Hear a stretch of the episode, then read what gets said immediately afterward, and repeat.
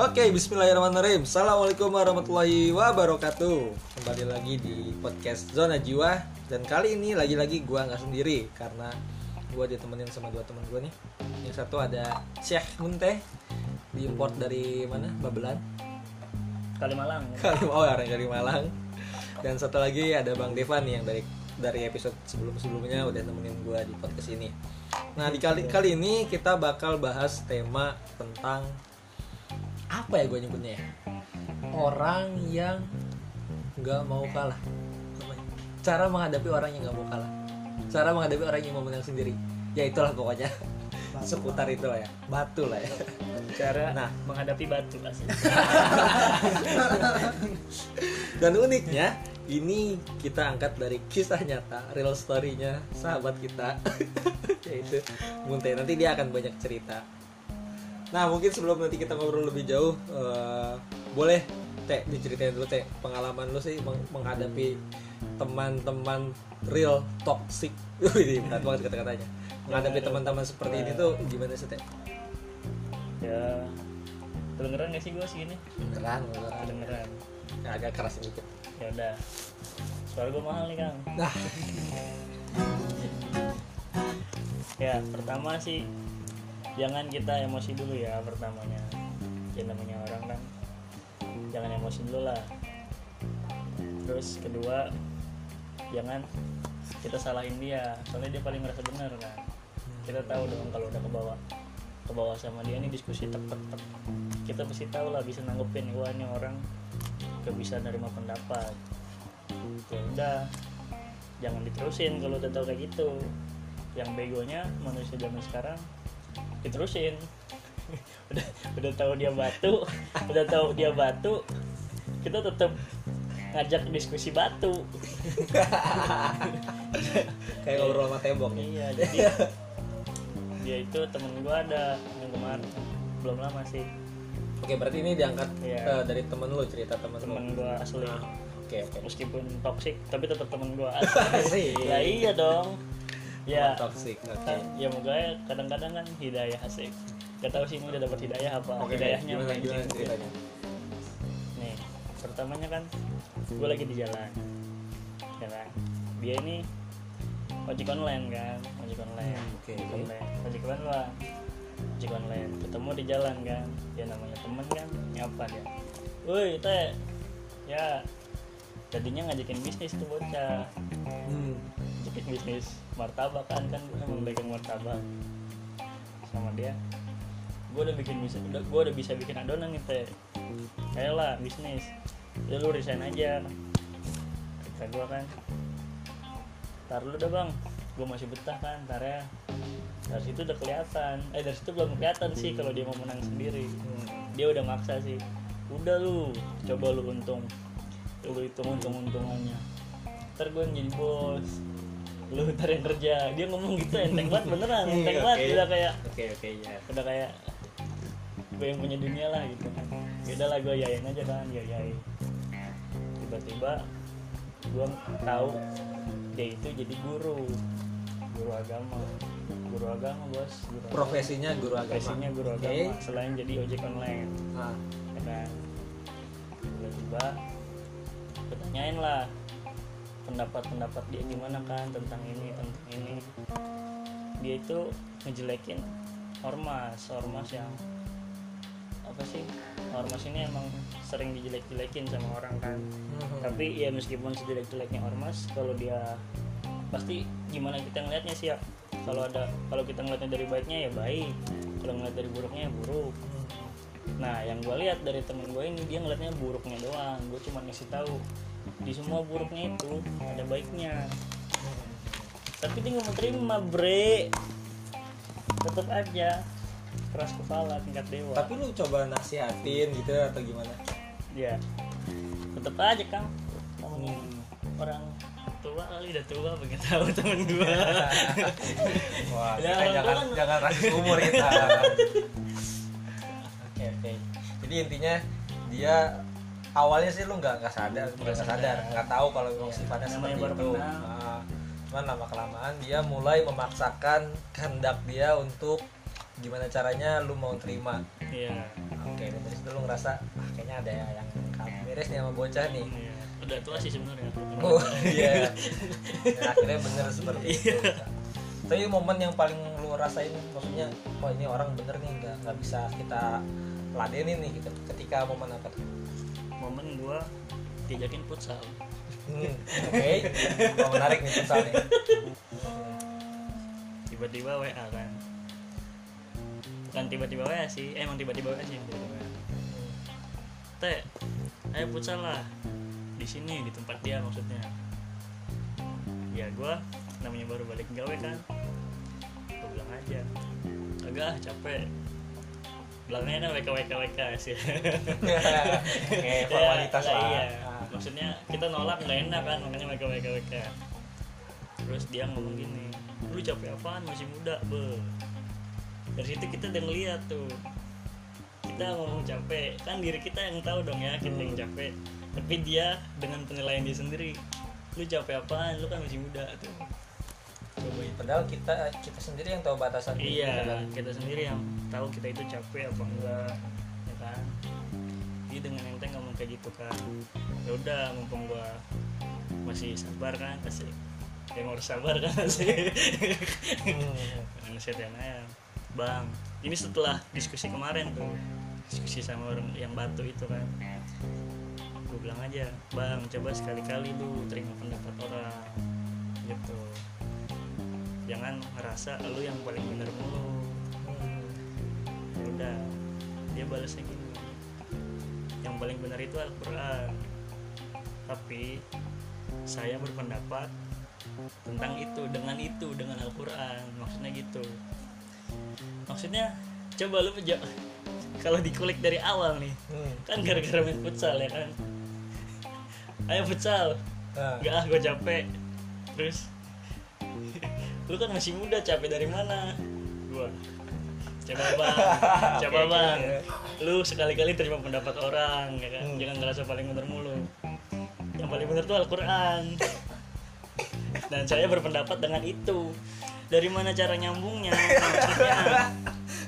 Coba. Seolah-olah argumen lo tuh dipatahkan dengan Quran dan Sunnah. Iya. Padahal nggak ada obrolan ke sana Nah, sebelumnya nggak kan. ada obrolan ke sana. Obrolannya tuh futsal.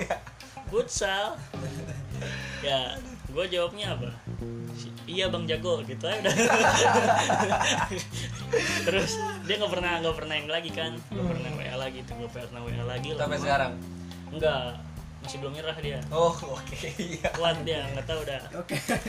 tiba-tiba dia wa lagi ngirim video seorang ustadz yang jangan gue sebut dah ini Ah. menjaga ini kan menjaga nama ustadz juga kan ustadz yang ngomong kalau ada orang yang ngomong kita selalu merasa paling benar ya kan? Tapi kita tetap mengikuti Al-Quran dan As-Sunnah udah jangan didengerin. Ya Al-Quran dan Sunnah itu benar kan? Jangan didengerin kalau orang ngomongnya salah. Ya kalau salah tunjukin kan sebutin. Ya udah gue balas aja gini. Bang Al-Quran sama Sunnah emang benar kan tapi manusia itu bisa salah lah bener dong. Lah Al-Quran Al-Quran Sunnah ya bener. Iya. tapi manusianya kan salah manusianya. Kan yang gue bilang manusianya ini bukan Al-Qurannya Al-Quran kan bukan makhluk ya kan? Ya Quran bener. Terus dia bilangnya benar. Dia bilang benar. Tumben nih tumben dia sependapat sama gue. Dan akhirnya dia sepakat. ya Terus? sepakat kan dia benar tapi ada tapinya. tapinya Oke. lu Eh, tapi ya kan apa sih itu itu lupa gua kalau gitu kita lihat bu- buku otentik. Tapi maksudnya eh, kita disclaimer dulu ya. Di sini kita bukan mau ngomongin orang, mau gibahin orang atau gimana, cuman eh, Ya. ini banyak banget menjakiti kita terutama umat Islam ya. ya Ketika misalkan dihadapkan pada satu pernyataan gitu ataupun sudut pandang dari orang lain, kita tuh sering kali menolak nerima, dengan mentah-mentah atau dalam artian kita nggak mau menerima perspektif orang lain. Padahal bisa jadi yang kita persangkakan baik itu belum tentu baik, sedangkan dia justru jauh lebih baik. Gitu. Cuman kita menutup diri ya akhirnya kita nggak dapat apa-apa. Dan ini banyak di kalangan terutama aktivis dakwah pun seperti itu. contohnya kasus eh, teman kita ini temennya Munte ini kan nah jadi mungkin bukan pengen ngegibahin sih jatuhnya cuma pengen ngorek-ngorek antisipasi gimana sih Antisipasi. harusnya baiknya Ya. kita menyikapi hal seperti ini dan respon kita pun agar tidak seperti ini kepada orang lain itu seperti gimana sih gitu, Ya. gitu sih oke sih lanjut terus kata dia salahnya salahnya. Kan tadi gue kan gue tadi bilangnya benar. Dia udah setuju tuh. Salahnya kalau nggak ikut pemahaman sahabat. Kalau nggak ikut pemahaman sahabat. Gue udah males banget nih ya kan? Udah males banget nih. Nah ya kalau ikut pemahaman sahabat ya semuanya ustadz pasti ngikut lah. Hmm. terus mau ngikut yang mana kan kalau ngikut pemahaman sahabat coba gue langsung aja siap bang jago. Gituin lagi. Aja. kali siap serius siap bang jago. Ah. gue gituin lagi. Tapi ini harinya beda ya soalnya Oh, beda dia dia nggak nyerah dia Hmm. nggak tahu biar gue dapet hidayah kali. Ah udah siapa yang nggak dapet hidayah gue juga nggak tahu udah. Oke oke. Wah ini menarik juga ya pantang menyerah Ya, orang ya. Terus dia bilang lagi teh katanya, pemahaman itu susah emang harus dipelajari kan ya moga aja lu dapet hidayah teh. Ya udah gue nggak balas lagi.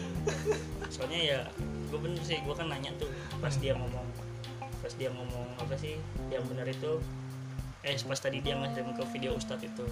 Gue sebenarnya masih bingung tuh jawabnya pertamanya kan. Gue nanya temen gue temen gue orang Bogor sepondokan ya. kata dia emang Al-Quran itu benar tapi potensi manusia berpendapat itu bisa salah potensi manusia untuk berpendapat itu bisa salah pendapat manusia. Potensinya itu ada salahnya. Ya kan? Malah kan Imam Syafi'i nih ngomong kalau saya salah eh kalau dia salah belum tentu saya benar. Ya kan? Kalau saya benar belum tentu dia salah. Kan gitu ya Imam Syafi'i kan. Imam Syafi'i aja kan legowo kan?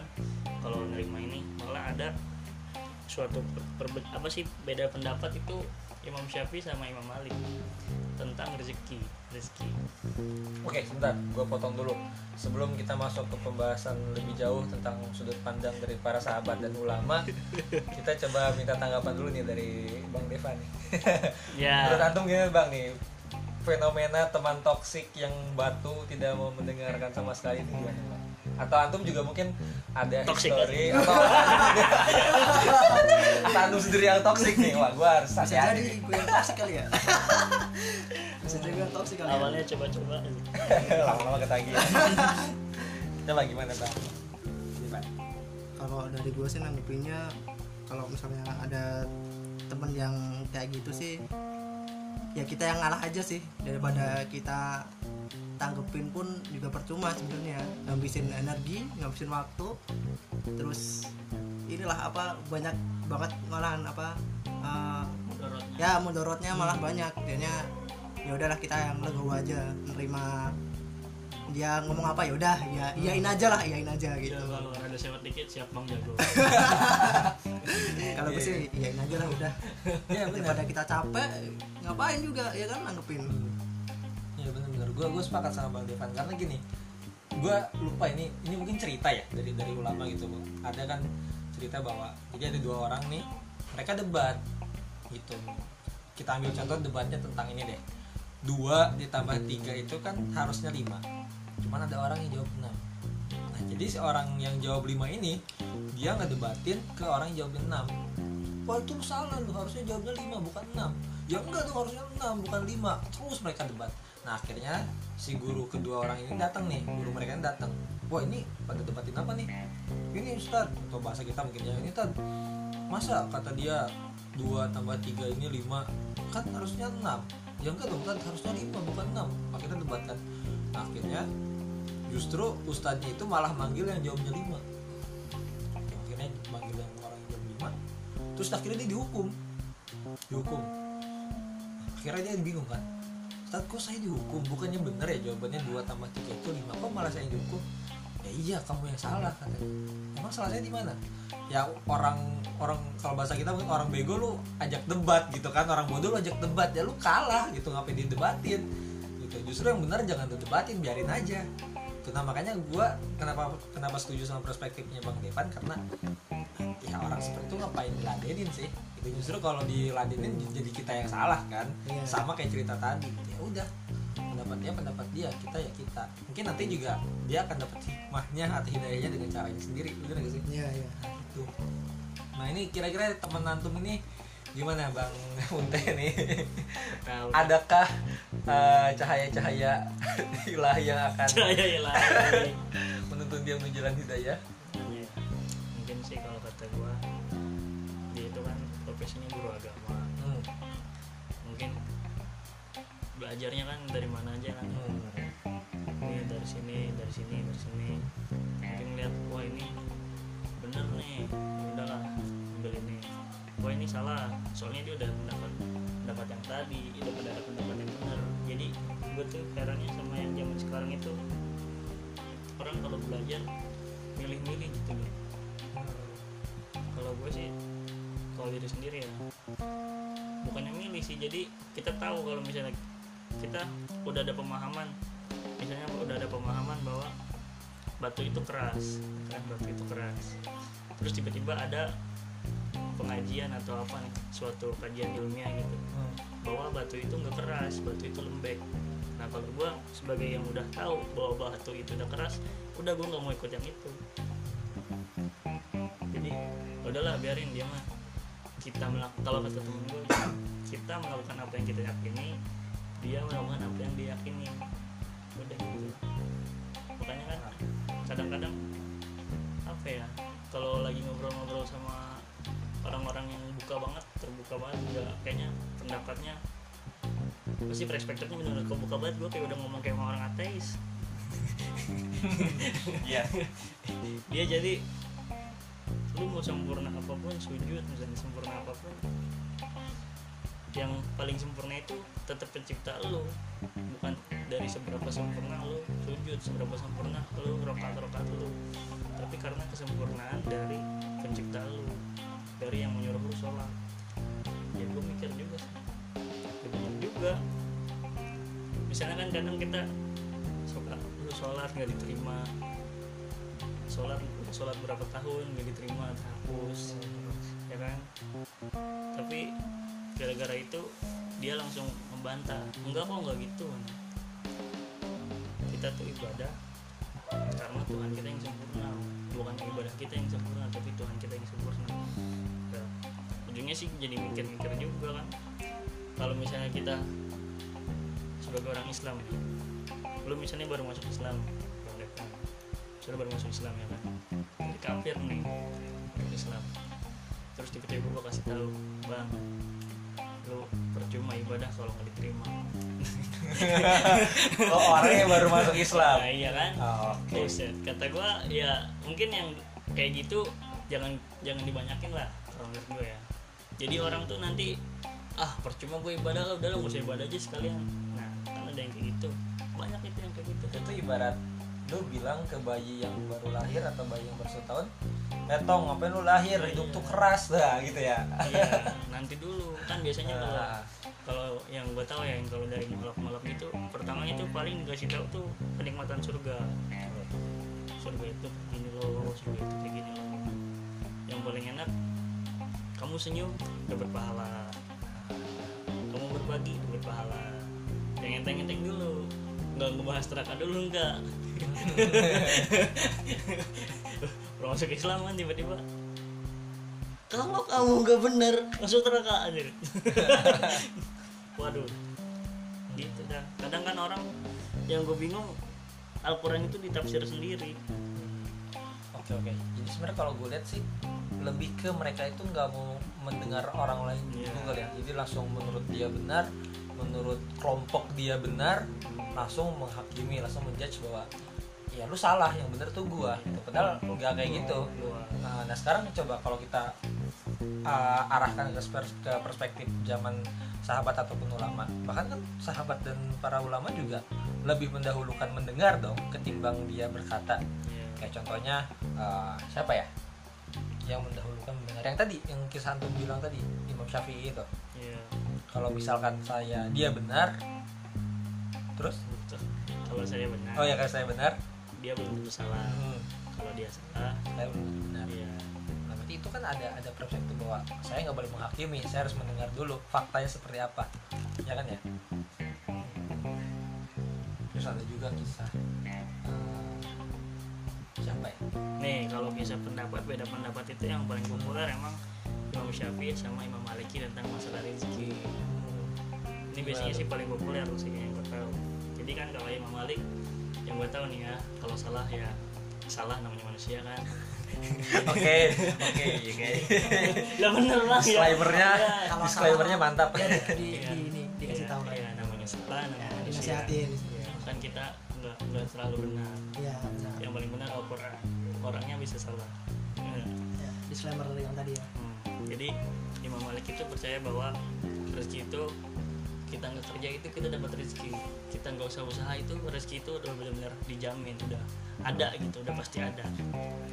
Nah sementara Imam Syafi'i muridnya berpendapat bahwa rezeki itu harus dengan usaha dulu harus ada kerja kerasnya dulu. Nah kan nggak terima dong sebagai seorang murid dia harus patuh pada guru dong kepada Imam Malik. Tapi dia juga nggak mau apa sih mau ngebuktiin bahwa pendapat dia benar dia kerja. Imam Syafi'i itu kerja besokannya. Kerja buat gue nggak tahu kerja apaan kan. Terus dikasih upah kurma kan kurma atau anggur ya. Kayak buah-buahan gitulah dikasih upah makanan. Terus dia senang dia itu senang bukan karena dapat upahnya. Itu senang karena pendapat dia benar. Bahwa kalau kita usaha dulu baru dapat rezeki itu rezekinya kurma itu kan. Ya wes dia langsung datengin tuh udah dapat saya kerja dulu tadi saya usaha dulu baru saya dapat kurma jadi harus ada usaha. Nah Imam Malik santai ngambil kurma yang dibawa sama Imam Syafi'i. Langsung dimakan. Tet, ini saya nggak usaha langsung dapat ya kan? jadi ya dua-duanya malah ketawa dua-duanya bareng. Ya udah Ah. ya dia pendapatnya benar dia pendapatnya benar ya sama-sama dibuktikan di situ langsung kan malah tuh ya wes kalau kayak gitu. Jadi beda pendapat emang sudah sering ya. Bersatu dalam perbedaan. Nah, kadang apalagi kalau misalnya masalah yang tadi itu kalau kata Mars itu kan dua tambah tiga itu lima itu berarti masalahnya dasar berarti dia masalah dasar masalah usul. Kalau masalah usul kayak macam fikih kan kunut gak kunut. Ya itu mah kan luas dia maknanya. Luas pendalamannya pemahamannya banyak itu. Luas. Tapi kalau masalah Allah itu satu apa tiga? Wah itu mah gak bisa berbeda Iya. pendapat kalau yang- gitu. yang tidak itu udah gak bisa beda pendapat. Kalau itu satu apa tiga? Ah kayaknya tiga. Lupa. Ya itu. Paling tiga. ditanya lagi soal itu. Ditanya mah iya itu soalnya ada masalah dasar. Hmm. lu mau nanya malaikat atau berapa itu mah udah masalah dasar. Tapi kalau udah ke sini kan apalagi kayak masalah sepele. Futsal bos. Oke oke oke. Futsal bintah sih makanya gue juga suka bingung. Apalagi yang kemarin itu dia keras banget soal bintang itu. Bro. panjang lah pokoknya dia tuh segala macam yang nggak ada dalil bintah kan dia ngomong itu. Ah, sementara yang gue tahu waktu itu gue pernah ngaji kitab NU ya. Jadi, apa sih kayak ada caleg gitu caleg ngumpulin warga buat ngaji kitab NU dan gue masih ingat banget tuh ingat di kitab itu ya meskipun tipis itu tuh semua ngejelasin bahwa yang dia lakuin tuh kayak tahlilan, maulidan atau apa pun yang tujuh harian, 40 harian itu tuh ada dalilnya semua yang gue lihat. Itu juga dikaji yang dikaji yang tahlilan-tahlilan itu emang sebenarnya kitabnya tipis. Itu mungkin mencakup dari al-fatihah sampai apa kan mencakupnya dari sholat sampai apa. Tapi sengaja sama yang ustadznya yang dari tahlilan itu tahlilan. Dalilnya mana sih tahlilan ini? Maulid mana sih dalilnya? Ini. Kasih tahu bener-bener kasih tahu. Nah berarti kita ketika kita beribadah tuh kita ada dasarnya lah ya? Iya yang penting ada meskipun apa sih? Kadang kan Rasulullah itu kan ada yang ngediemin ya kan? Kalau ada yang orang makan apa nih ngediemin nggak ngelarang nggak Iya, apa. iya.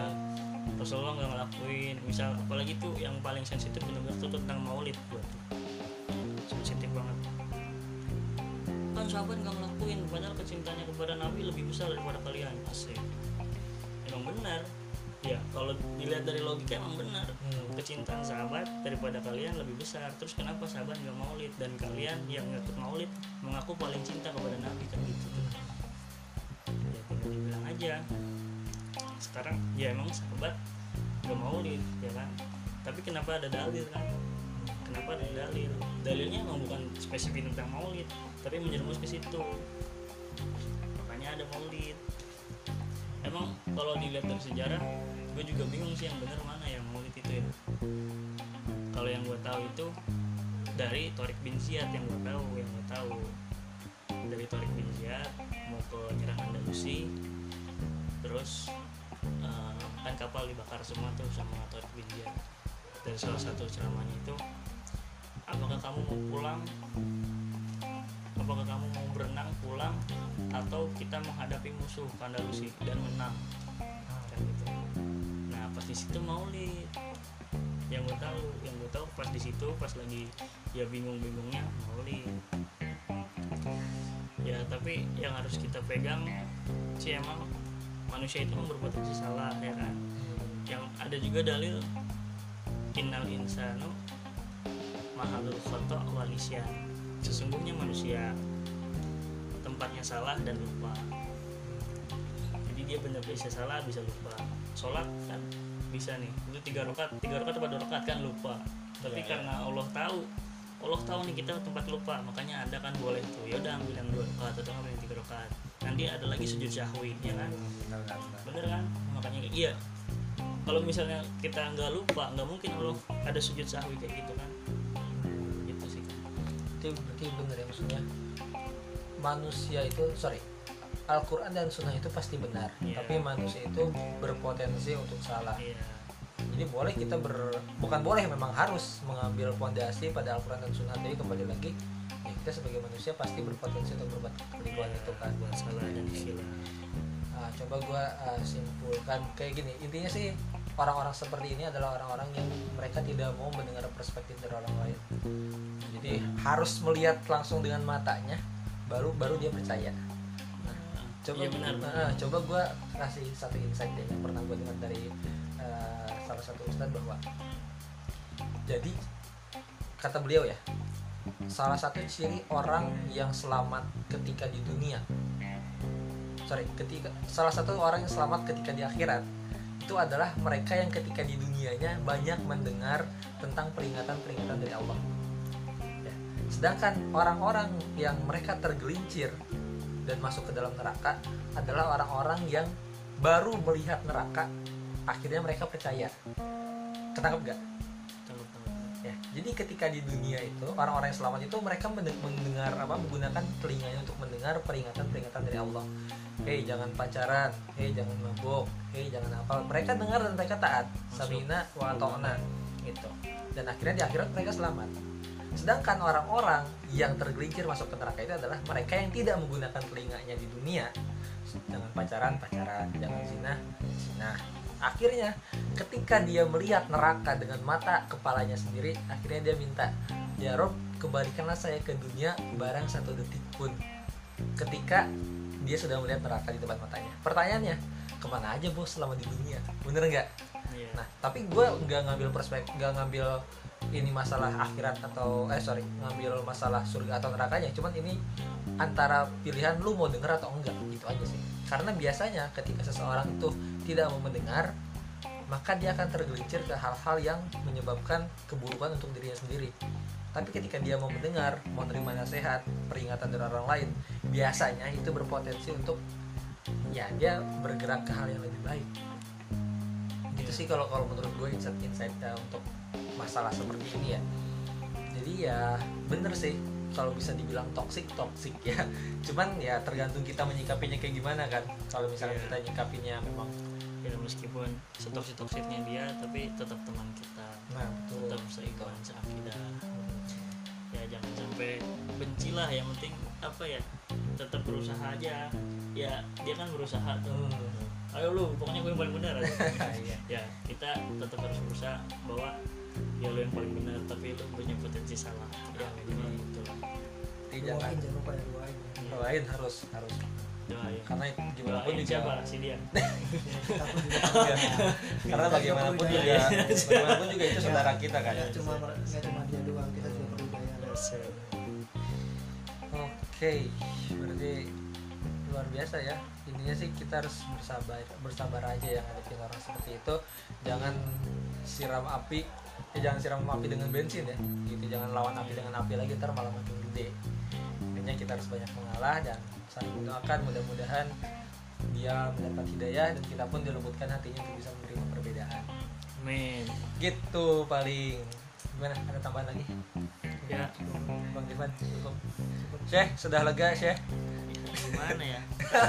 Paling ntar dia WA lagi ya sih. enggak enggak enggak ya oke ya ingat disclaimer kita pertama ini kita bukan untuk menjudge bukan untuk menghakimi seseorang cuman kita sebagai seorang muslim yang sama-sama menuju rob yang sama Tuhan yang sama yuk nggak ada salahnya belajar untuk mulai mendengar terlebih dahulu apa pendapat orang lain karena yang dibilang oleh Imam Syafi'i tadi gitu bisa saja dia memang salah tapi belum tentu saya benar. Mungkin bisa saja dia saya benar tapi dia belum tentu salah. Jadi intinya saling terbuka saling menerima perbedaan gitu sih paling. Makasih banyak buat teman-teman yang udah mau dengerin. Mudah-mudahan podcast ini bisa membawa kebaikan buat kita semua. Dan kalau ada yang bermanfaat boleh di share ke teman-teman. Dan itu aja sih mungkin. Makasih banyak. Ya nanti bolehlah kritik dan sarannya ya. Gitu aja. Kirim di mana? Kirim di mana? ya di di ini Instagram Instagram ya. Ya apa eh, add terus tuh Pratama U-nya pakai V di follow jangan lupa. Ntar DM aja ya. Oke makasih banyak. Assalamualaikum warahmatullahi wabarakatuh. Waalaikumsalam warahmatullahi wabarakatuh. bye